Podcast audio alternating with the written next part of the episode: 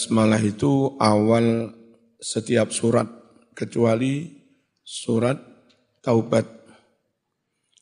Kalau menurut madhab maliki, basmalah bukan ayat. Ditulis, dibaca sekedar untuk biar barokah, ngalap barokah. Ya, kalau menurut madhab Hanafi, basmalah itu ayat tersendiri. Pokoknya dia ayat bukan bagian dari surat tersebut. Fungsinya untuk membatasi antara surat satu dengan yang lain. Dalilul Hanafiyah. Dalil dari madhab Hanafi. Wa ammal Hanafiyatu faqad ra'au adapun madhab Hanafi maka benar-benar mereka memandang berpendapat anna kitabataha fil mushaf yadullu ala annaha Qur'anun bahwa ditulisnya basmalah di dalam mushaf itu menunjukkan sesungguhnya basmalah itu bagian dari Quran. Sebab andai basmalah bukan Quran, maka dia enggak boleh ditulis di dalam mus, mushaf. Tapi walakin la yadullu ala annaha ayatun min kulli surah. Tetapi hal itu tidak menunjukkan bahwa sesungguhnya basmalah ayat dari setiap su setiap surat. Paham ya? Wal ahaditsul waridatu allati tadullu ala adami qiraatiha jahran fis salat hadis-hadis yang datang yang mana hadis-hadis itu menunjukkan bahwa basmalah tidak dibaca dengan jahar. Tidak dibacanya basmalah dengan jahar, dengan ker, keras. Fis di dalam salat. Ma'al fatihati bersama fatihah. Menurut mereka, bahwa cara membaca Fatihah basmalahnya lirih. Lalu alhamdulillah dibaca ker, keras. Itu menunjukkan bahwa bismillah ada sendiri Fatihah ada sendiri. Bukan kok bismillah itu bagian dari Fatihah. Nyatanya cara bacanya beda. Bismillahnya lirih baru alhamdulillah dibaca ker, keras menurut mereka. Tadullu ala annaha laisat minal fatihah. Itu menunjukkan, hadis-hadis itu menunjukkan bahwa basmalah bukanlah dari fatihah. Fahakamu bi annaha ayatun minal Qur'ani tammatun. Hanafiyah menghukumi bahwa basmalah itu ayat sempurna, ayat tersendiri dari Al-Quran. Fi ghairi suratin namli. Tapi itu bismillah di selain surat surat An-Naml. Fungsinya apa? Ada bismillah di antara setiap surat. Unzilat lil fasli bainas suwar. Basmalah diturunkan untuk memisah, membatasi antara surat-surat Al-Quran.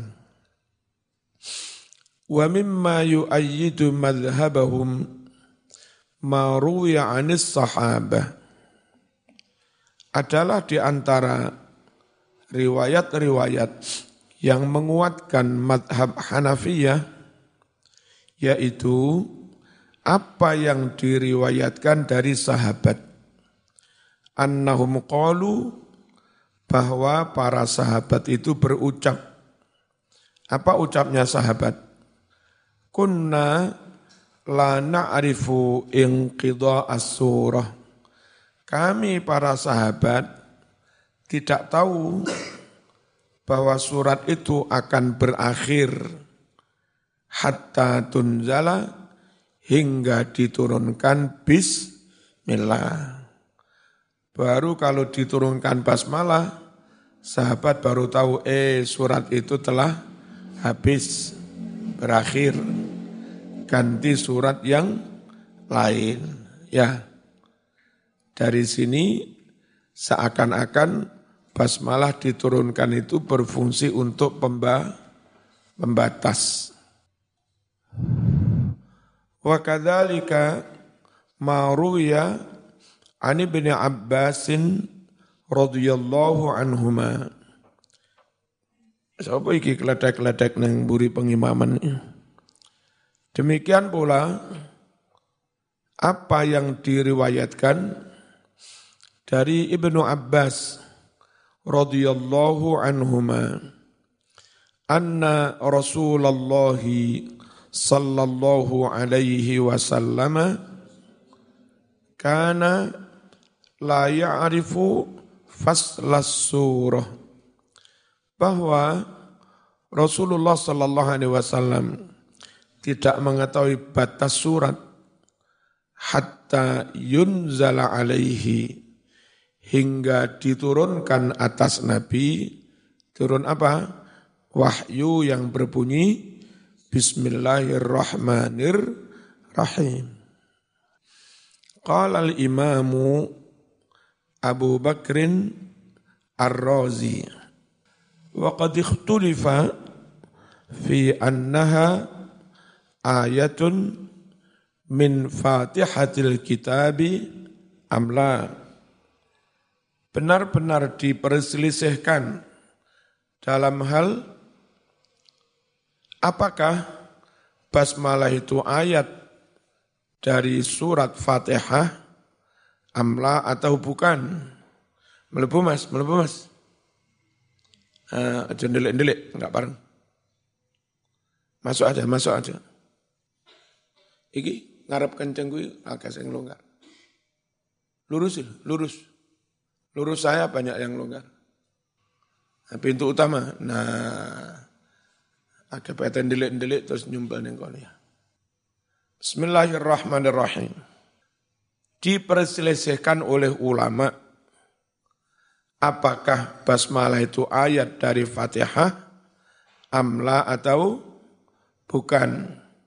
Fa'addaha menghitungnya, menganggapnya qurra'ul kufah para qari para ahli qiraah Kufah dihitungnya ayatan minha menjadi bagian dari ayat dari suratul suratul Fatihah.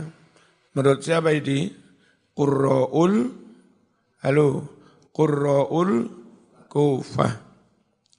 Walam ya'uddaha Qurra'ul Basriyin. Dan tidak menghitungnya termasuk Fatihah siapa yang tidak menghitungnya enggak menganggapnya. Para ahli qiraah dari ulama Basrah. Wa qala Syafi'i hiya ayatun minha Imam Syafi'i dawuh basmalah adalah ayat dari Fatihah. Karena ayat dari Fatihah, lek gak moco bismillah, Fatihah belum sah. Wa in tarakaha a'adas salat. Jika orang meninggalkan basmalah, maka dia wajib mengulangi wajib mengulangi salatnya. Wahaka Syekhuna Abdul Hasan Al-Karohi, Karachi. Mana Karachi itu? Teman jawab suwe, ayo melepuh, melepuh, melepuh, melepuh. Ah. Mana Karachi itu? Kami gak roh Karachi ya. Pakis, pakis. Entene irungi pesek-pesek gak roh Karachi. Wa qala Syafi'i hiya ayatun minha wa in tarakaha a'ata salat wa haka syekhuna Hasan Al-Karakhi adamal jahri biha guru kami Abdul Hasan Al-Karhi menghikayatkan tentang tidak dikeraskannya bacaan bas basmalah. Kalau Fatihahnya keras, basmanya lirih, itu mengindikasikan beda antara basmalah dan Fatihah. Seperti Anda membaca iftitah lirih, membaca a'udzubillah juga lirih, baru membaca Fatihah itu mengindikasikan auzubillah bukan bagian dari Fatihah. Nah, ternyata ada ulama-ulama yang baca basmalahnya juga lirih. Berarti menurut ulama itu basmalah bukan bagian dari Fatihah. Wahada yadullu ala annaha laisat minha. Wa madhabu ashabina annaha laisat bi ayatin min awailis suwar. Madhab dari pendukung madhab kami Hanafi bahwa basmalah bukanlah ayat dari awal-awal surat. Buktinya mana? Litar kil jahri. Karena tidak dikeraskannya biha bacaan bas malah wali annaha idza lam takun min fatihatil kitab fakadzalika hukmuha fi ghairiha. Dan oleh karena jika basmalah bukan bagian dari awal Fatihah maka demikian pula hukumnya di surat-surat yang lain selain suratul Fatihah wa za'ama syafi'iyyu annaha ayatun min kulli surah. Imam Syafi'i menyangka, mengeklaim bahwa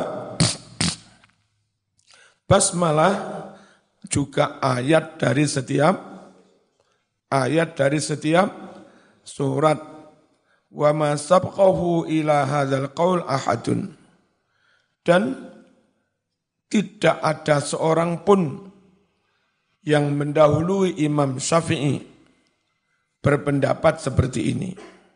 Dengan kata lain, Imam Syafi'i lah orang yang pertama-tama berpendapat seperti ini. Berpendapat apa? Loh kok ngelamun ya mana? Berpendapat apa? Bahwa bismillah awal dari setiap surat.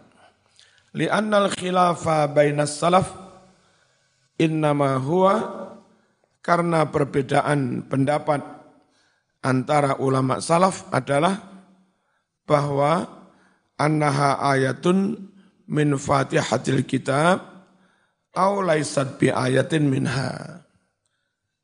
Basmalah itu ayat dari Fatihah atau bukan ayat dari Fatihah. Itu dari dulu yang jadi perdebatan itu itu apakah basmalah bagian dari Fatihah apa bukan.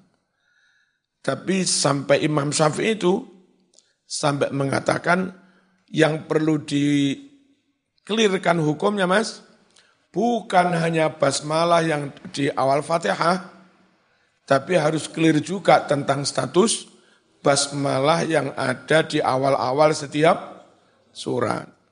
Baru Imam Syafi'i yang pertama-tama berani tegas ngarani basmalah awal Fatihah, bagian dari Fatihah dan basmalah di awal setiap surat juga bagian dari surat itu. Kalau logika menang Imam Syafi'i. Jadi katanya mazhab Hanafi itu ayat, tapi bukan bagian dari surat ter tersebut. Berfungsi pemba pembatas. Oke, pembatas. Ini tanah berapa hektar di Kapling? Masing-masing kapling ada batas pagar. Pagar ini enggak ada pemilik, apa ada pemilik? Halo? Ada pemilik kan? Memang ini pembatas, tapi juga tetap ada pemilik. Pagar ini milik ini. Ini lagi ada ini, pagar ini milik ini. Antara ini dan ini pagar milik ini. Ya. Iya berfungsi pembatas, iya. Tapi yang nggak salah Imam Syafi'i mengatakan, ini pembatas miliknya ini. Dan karena bismillah itu mengawali, yang paling pas, bismillah ini miliknya ina atau ina. Bismillah ini miliknya idha ja'a. Bismillah ini miliknya kuliah. Bismillah ini miliknya aroeta. Kan begitu. Ngerti ya? Perkara dibacanya lirih, itu berarti kan bukti kalau bismillah beda dengan apa? Surat itu. Bukan berarti bagian dari. Nah, jawab kita, tidak semua sahabat membacanya lirih. Nabi juga membacanya ker, keras. Abu Hurairah membacanya juga keras. Nah, ya kita ikut para sahabat, ikut riwayat dari Nabi yang basmalah dibaca keras, Fatihah keras, basmalah keras, berarti statusnya sama. Sama-sama bagian dari surat itu. Itu Imam Syah.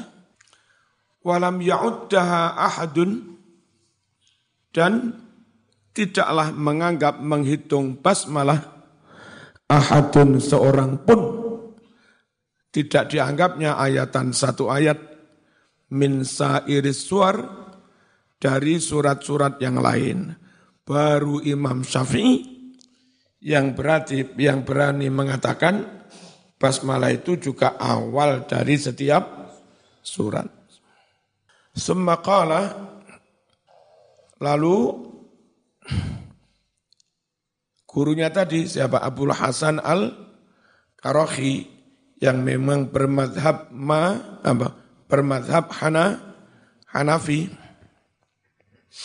Wa mimma yadullu ala annaha laysat min awailis suwari di antara hal yang menunjukkan bahwa basmalah bukan dari awal-awal surat yaitu maruya anin Nabi sallallahu alaihi wasallam annahu. Sesuatu yang diriwayatkan dari Kanjeng Nabi bahwa Nabi Muhammad sallallahu alaihi wasallam bersabda, Suratun fil Quran salasuna ayatan syafaat li sahibiha. Ada satu surat dalam Al-Quran, jumlah ayatnya berapa? 30 ayat. Faedahnya apa? Dia akan mensyafaati orang yang memiliki surat itu. Maksudnya mensyafaati orang yang ahli mengamalkannya. Hatta ghufirullah. Disyafaati terus orang itu sampai orang itu diampuni. Surat apa itu? Tabarakalladzi biyadihil mulku wa huwa ala kulli syai'in qadir. Nah, surat Mulk berapa ayat? Berapa ayat? 30. Nah, para qari bersepakat jumlah ayatnya 30. Kalau basmalah kau hitung ayat lagi, maka ayatnya bukan lagi 30, tapi 31. Dan itu berarti enggak sama dengan apa yang didawuhkan kanjeng Nabi. Terus apa kata madhab syafi'i? bahwa basmalah itu awal dari setiap surat, bisa jadi basmalah berdiri sendiri sebagai ayat, bisa berarti ayat pertama itu ya basmalah gandeng dengan apa? Dengan kalimat yang pertama. Jadi eh, apa? Dihitung 30 ayat itu bukan berarti bismillahnya hilang. Bismillahnya tetap ngikut, tapi enggak terhitung satu ayat tersen terjadi gandeng kalimatnya dengan misalnya alif lam mim atau gandeng dengan tabarakalladzi biadihil mulku dan seterusnya. Falau kanat minha maka andai ada basmalah itu bagian dari Fatihah, oh, bagian dari surat Mulk kanat ihda wa salasin. Jadinya surat mulk itu 31 a, ayat. Wadhalika khilafu qaulin Nabi. Dan hal itu tentu bertentangan dengan dawuhnya kanjeng Nabi Sallallahu Alaihi Wasallam. Nah, madhab syafi'in jawabnya kayak begitu. Wa yadullu alaihi aidan ittifaqu jami'i qurra'il amsar wa fuqahaihim. Dan ya dulu menunjukkan pula alaihi atas adanya hal ini, apa hal ini? Basmalah itu bukan bagian dari su, surat, ayatun juga. Apa yang menunjukkan? Kesepakatan semua para ahli kiroah kesepakatan semua para kurro di seluruh kota, kota-kota Islam, Mesir, Mekah, Kufah, Baghdad, ya, wa fuqahaihim. Dan para ulama ahli fi fiqih. Bersepakat apa?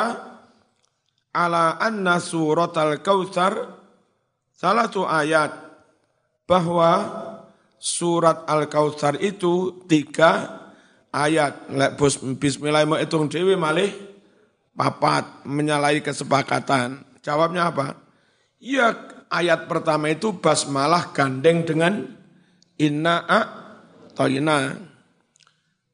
Wa surat al-ikhlas arba'u ayat dan surat ikhlas disepakati empat ayat falau kanat minha lakanat aksar mimma addu.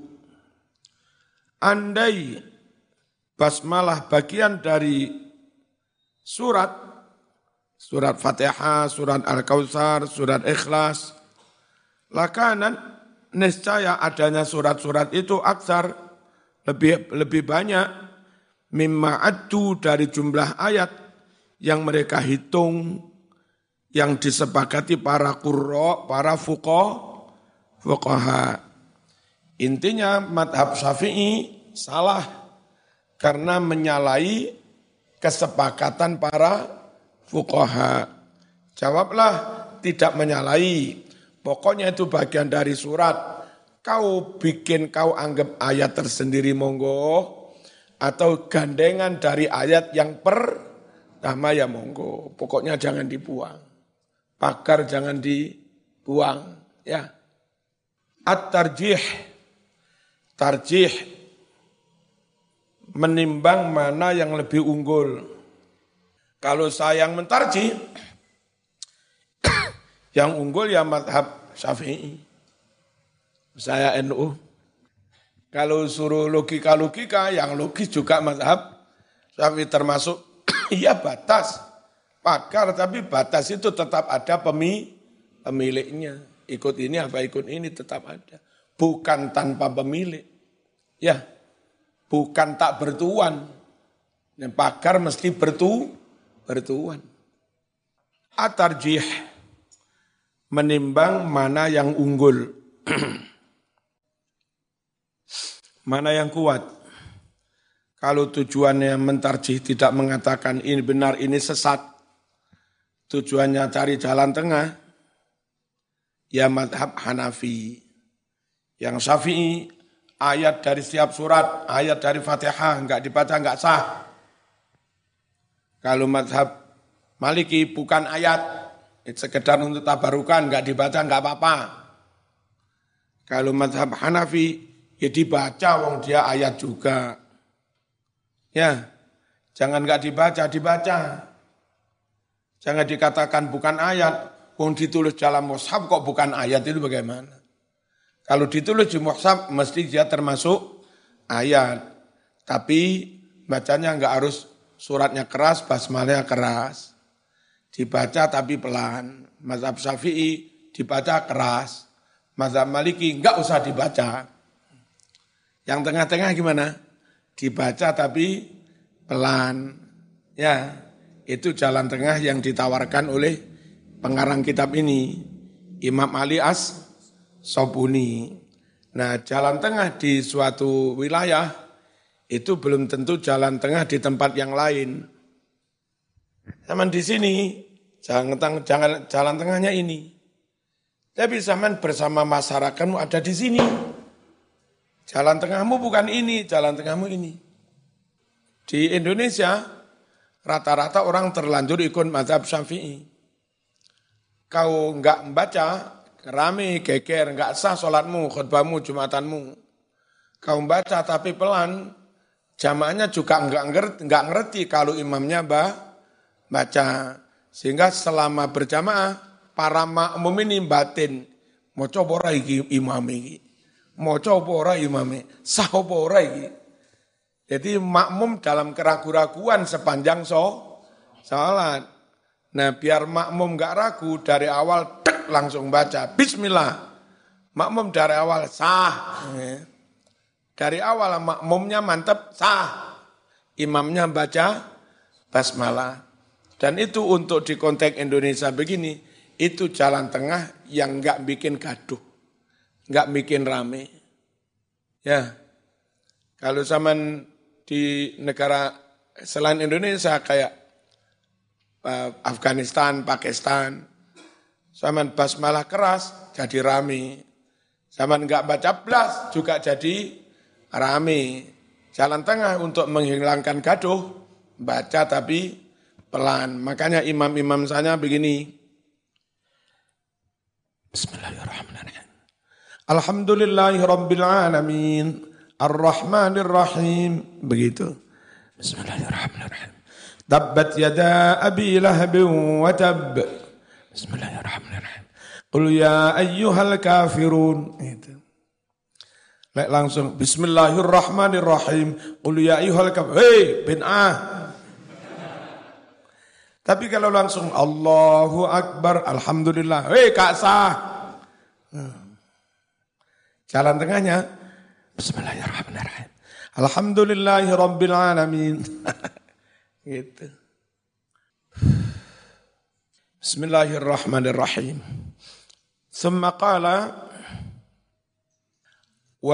Yadullu ala annaha laysat wa wisya at-tarjih wa ba'da isti'radil adillah setelah menyajikan dalil-dalil memaparkan dalil-dalil mempresentasikan dalil-dalil wa mastadalla bihi.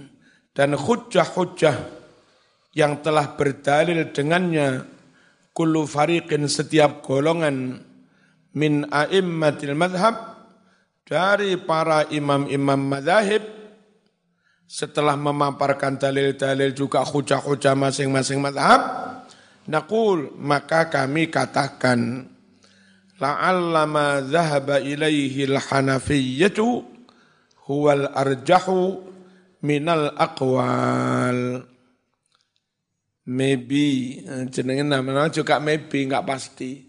La Allah may maybe bisa aja bisa jadi. Nggak of course ini. Barangkali apa yang menjadi pendapatnya madhab siapa apa yang menjadi pendapatnya madhab Hanafi huwal arjah. Itulah yang paling unggul, yang paling kuat minal akwal dari pendapat-pendapat yang ada. Alasannya apa? Fahuwal madhabul wasat. Madhab Hanafi itu madhab yang tengah-tengah. Bainal qawlaini al-muta'aridaini. Tengah-tengah antara dua pendapat yang saling berten yang saling bertentangan. Antara siapa yang bertentangan tadi? Syafi'iyah dan Malikiyah. Tengah-tengahnya madhab Hanafi. Kalau zaman ini mas, awayu tapi rapatek pinter. Ini welek tapi pinter, milih sing di. Milih ayu pinter, enggak gelem karo kon. Dhewe orang ganteng. Milih sing di. Golek sing pinter najan rapate ayu. Tapi yo aja elek-elek nemen. Jalan tengahnya begitu. Di konteks lain jalan tengah itu beda. Iki wayu yo pinter. Ya. Terus iki yo ayu, iki yo pinter. Jalan tengahnya gimana? Ngepek iki ketun, jangan-jangan kono lu HP. Kati karo iki, jangan-jangan kono api. Piye gue carane jalan tengahnya? Ayo, ayo, ayo. Mau rapi kabeh. Fasyafi'iyyatu yaqulun innaha ayatun minal fatihah wa min awwali kulli suratin fil Qur'an.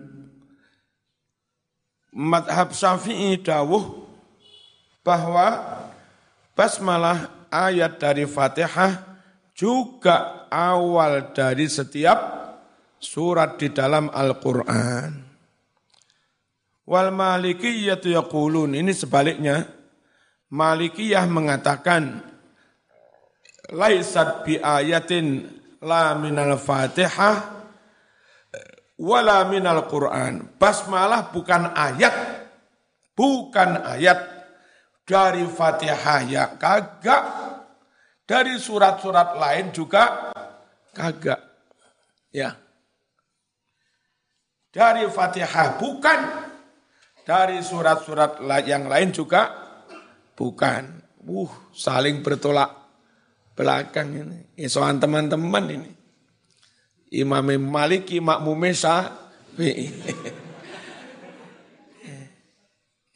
Iso tukaran ya.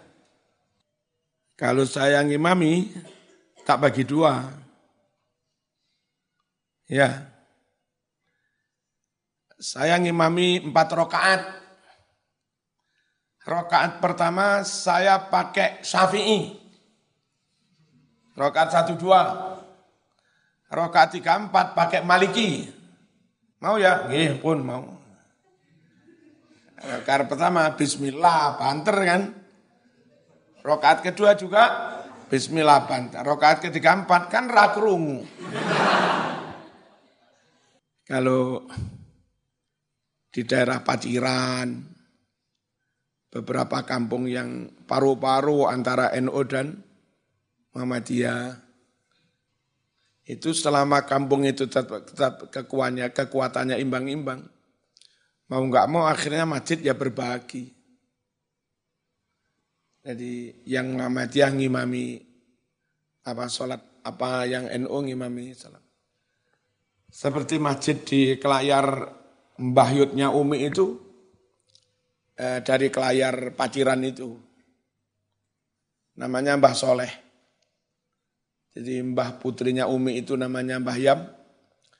Orang tua kandungnya Mbah Yam itu namanya Mbah Haji Soleh. Dia yang mendirikan ranting Muhammadiyah di kampung itu. Itu Mbah Yudnya Umi. Dan mendirikan masjid tentu.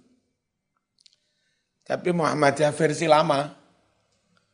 Muhammadiyah yang dulu-dulu sebelum tahun 70-an, itu kan pakai Sayyidina, pakai kunut, pakai ziarah kubur seperti di kitab yang saya punya itu. Ya.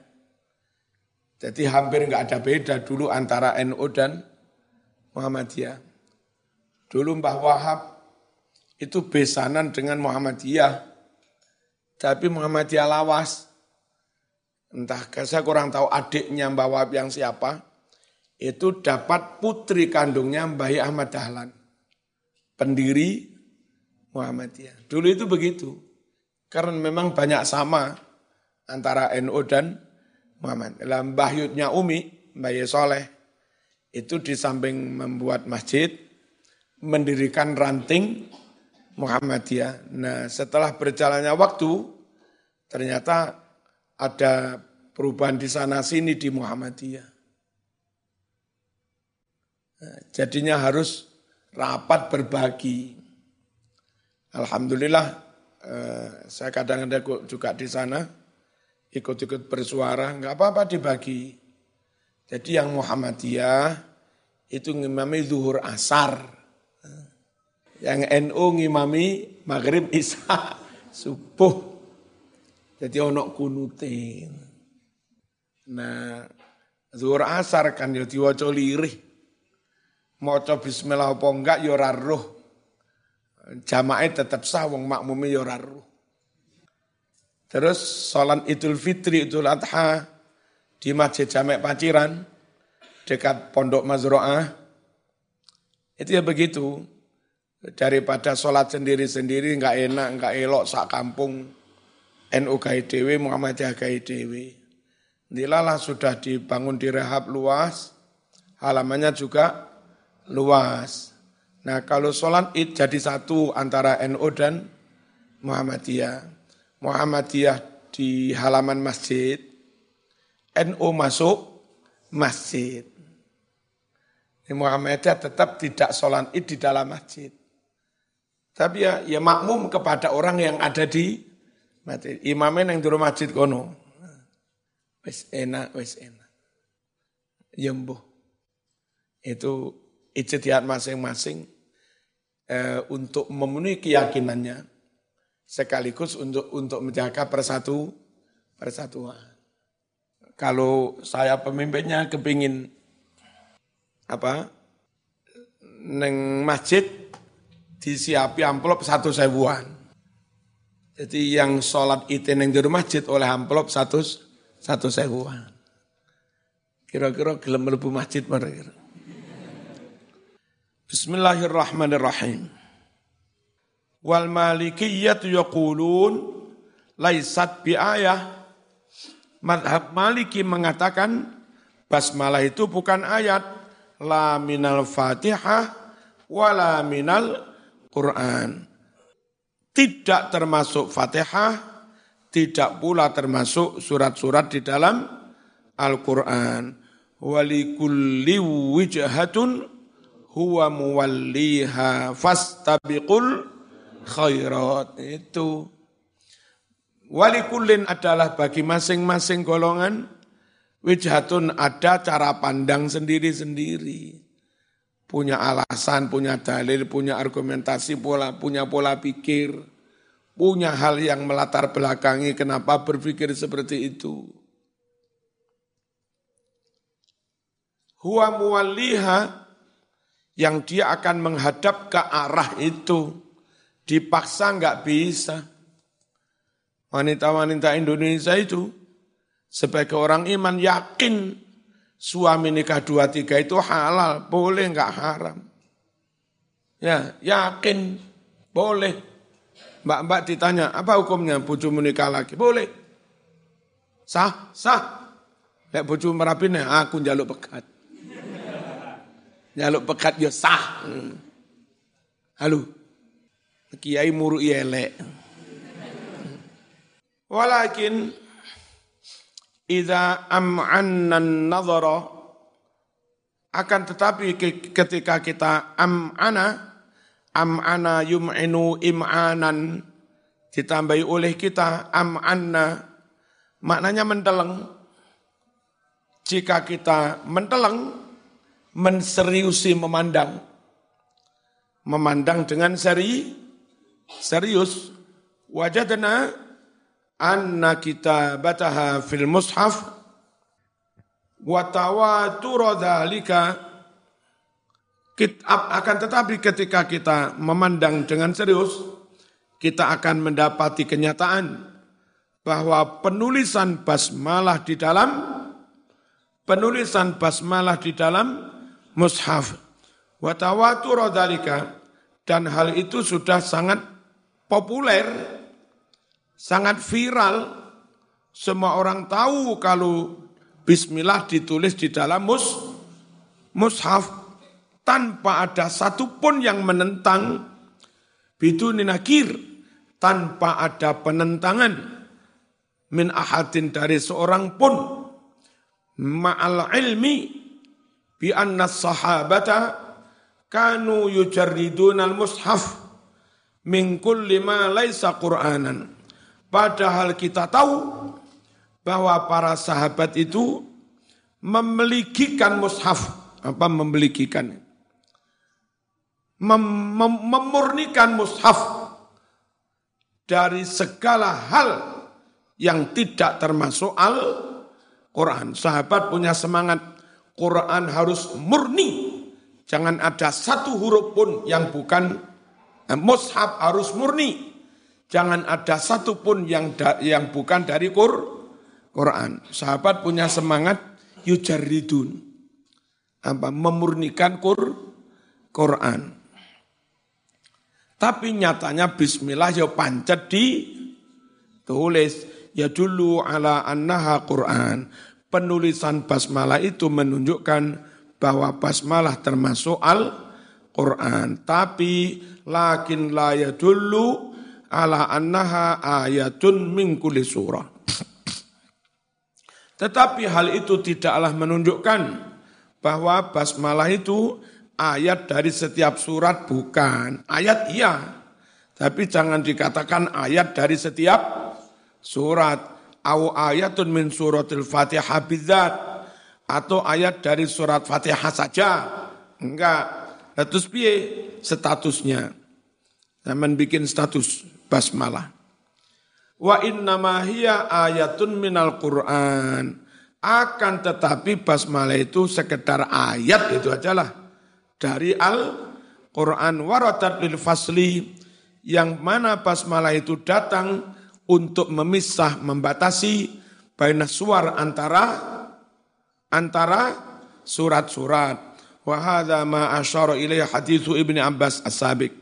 Inilah yang diisyaratkan oleh hadis riwayat Ibni Abbas yang lalu di atas anna Rasulullah sallallahu alaihi wasallam kana la ya'rifu fasal suar bahwa Rasul pun enggak tahu berakhirnya surat batas surat hatta yunzala alaihi hingga diturunkan atasnya apa ayat apa Bismillahirrahmanirrahim.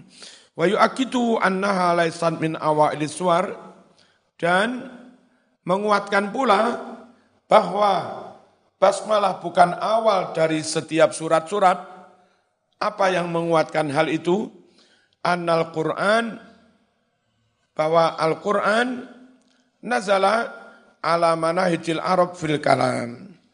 Al-Quran itu diturunkan sesuai dengan cara metode orang-orang Arab Arab dalam berbahasa. Nah, orang Arab itu gak suka berbahasa diulang-ulang. Kalau bismillah kau anggap dari awal setiap surat, berarti sering ada pengulangan kalimat yang sah, yang sama. Itu menyalahi kebiasaan orang Arab. Jawabnya, lewung di surat Ar-Rahman juga banyak pengu, pengulangan. Fabi ayyi ala irabbikuma tukadziban. Di Madura juga sering banyak pengulangan, enggak apa-apa. Dikit-dikit, yang kita iya. Yang kita iya. Yang kita iya. Itu question tag ya. Aren't you? Isn't kita iya. Wal Arab kanat tara at-tafannun minal balaghah orang Arab memandang adanya variasi tafannun itu bagian dari balaghah, bagian dari tingginya nilai sas sastra. Lah kalau bismillah melulu di awal setiap surat berarti enggak ada tafannun. Ya. Apa? Enggak ada vari, variasi. Eh, tanpa variasi tapi sesekali muncul lalu hilang. Jarak sekian puluh, sekian ratus ayat baru muncul. Itu enggak apa-apa, enggak jenuh juga. Matahari itu ya itu-itu aja dari dulu. Tapi muncul sekian jam tenggelam. Besok muncul lagi. Orang enggak jenuh juga dengan matahari. Meskipun ya itu-itu aja. Enggak ada vari, variasi. Ya. Tapi kan enggak terus-terusan. Cuman bendino gaya kelambi batik enggak tahu ganti ya bujumu waleh. Ya. Enggak apa-apa gaya kelambi batik tapi marungune diumbah simpen minggu ngarep tinggi mana. Itu ora apa-apa.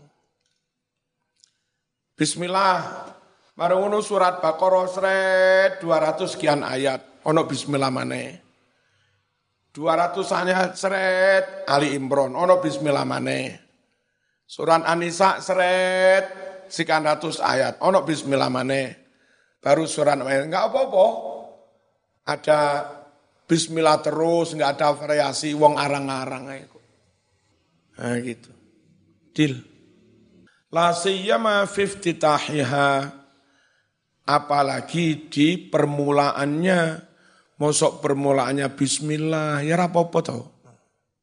Falau kanat ayatan min kulli surah lakana ibtida'u kulli suar ala minhajin wahid wahid andai basmalah itu ayat dari setiap surat tentu awalan di semua surat itu dengan model yang sama atas metode yang sama semua surat diawali dengan bas malah enggak ada variasi.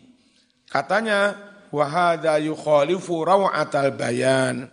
Hal ini bertentangan dengan indahnya balaghah fi mu'jizatil Quran dalam kemukjizatan Al-Quran. Jawabnya yang diawali basmalah bukan hanya surat dok mas. Semua kelakuan amal apa pun disunahkan diawali basmalah, mau makan basmalah, mau pergi basmalah, mau berpakaian ya basmalah. Ojo dinten kok basmalah tok yang kok enggak ono variasi. Sesekali yo opo ya enggak enggak apa-apa. Wong kita juga enggak waleh kok. Juga enggak jen, enggak jenuh. Wa qaulul malikiyah al-Fatihah.